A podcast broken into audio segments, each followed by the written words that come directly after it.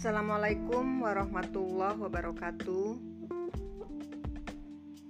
Sahabat muslimah Kali ini kita berjumpa kembali dalam podcast bersama Iha Bunda Hansa.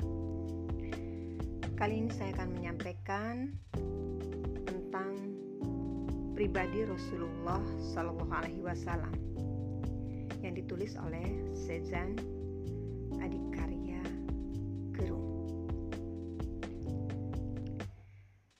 Kecintaan umat Islam kepada baginda Rasulullah SAW tentu amat besar. Kecintaan itu telah memunculkan kerinduan yang teramat sangat.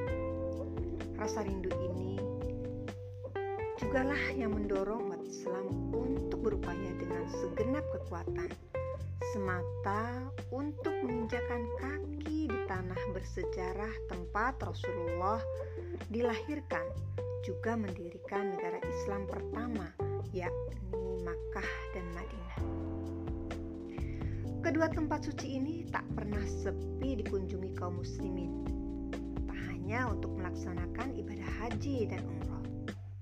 Tak sedikit kaum muslimin yang melakukan perjalanan wisata di tempat-tempat bersejarah yang mengukir kisah perjuangan Rasulullah Sallallahu Alaihi Wasallam. Sejumlah travel juga menyediakan pelayanan untuk mengunjungi berbagai macam peninggalan sejarah zaman dahulu yang saat ini berada di tempat yang dilindungi. Sebut saja peninggalan rambut Nabi Muhammad SAW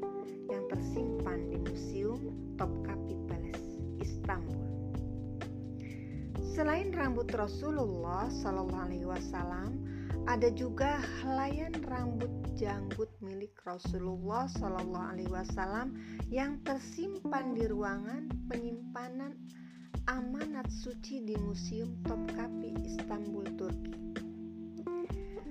Meskipun beliau telah meninggalkan kita ribuan tahun yang lalu, namun sosok beliau tak pernah sekalipun dilupakan. Jutaan umat Muslim di dunia merindukannya. Keberadaan benda-benda peninggalan beliau seolah menjadi obat penenang atas rindu yang dirasakan umat Islam saat ini. Rambut Rasulullah Shallallahu Alaihi Wasallam dalam suatu riwayat yang bersumber dari Anas bin Malik radhiyallahu anhu diungkapkan rambut Rasulullah Shallallahu alaihi wasallam mencapai pertengahan kedua telinganya. Aisyah Rasulullah Aisyah radhiyallahu anhu pernah berkata, "Aku dan Rasulullah Shallallahu alaihi wasallam mandi dari tempayan yang sama." Beliau memiliki rambut yang panjangnya sampai di atas bahu dan di bawah daun telinga. Dalam suatu riwayat, Al-Bara bin Azib mengemukakan sebagai berikut. Rasulullah SAW adalah seorang yang berbadan sedang, kedua bahunya bidang, sedangkan rambutnya menyentuh kedua daun telinganya. Muhammad bin Basar bercerita kepada kami. Wahab bin Jarir bin Hazm memberitahukan kepada kami, ayahku bercerita kepadaku dan kata dah ia berkata, aku pernah bertanya kepada Anas bin Malik, bagaimanakah rambut Rasulullah? Ia menjawab, rambut Rasulullah tidak terlalu keriting, tidak pula lurus kaku, rambutnya mencapai kedua daun telinga. Muhammad bin Bashar bercerita kepada kami Abdurrahman bin Mahdi memberitahukan kepada kami dari Ibrahim bin Nafi al-Makki dari Ibnu Abi Najih dari Mujahid bahwa Ummu Hani binti Abu Thalib berkata Rasulullah Shallallahu Alaihi Wasallam tiba di Makkah pada saat pembebasan kota Makkah sedang rambutnya dijalin menjadi empat. Anas radhiyallahu anhu pernah menceritakan perihal rambut Rasulullah SAW. Sesungguhnya rambut Rasulullah SAW mencapai pertengahan kedua telinganya. Ibnu Abbas radhiyallahu anhu mengemukakan sesungguhnya Rasulullah SAW dulunya menyisir rambutnya ke belakang, sedang orang-orang musyrik menyisir rambut mereka ke kiri dan ke kanan. Dan kitab menyisir rambutnya ke belakang selama tidak ada perintah lain. Rasulullah SAW senang menyesuaikan diri dengan ahli kitab. Kemudian Rasulullah SAW menyisir rambutnya ke kiri dan ke kanan. Cara bersisir Rasulullah SAW dalam suatu riwayat Aisyah radhiyallahu anha mengungkapkan Aku pernah menyisir rambut Rasulullah SAW padahal aku sedang haid.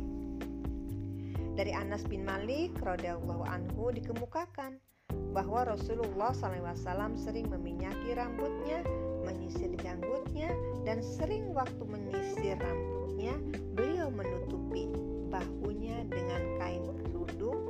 Kain kerudung itu demikian berminyak seakan-akan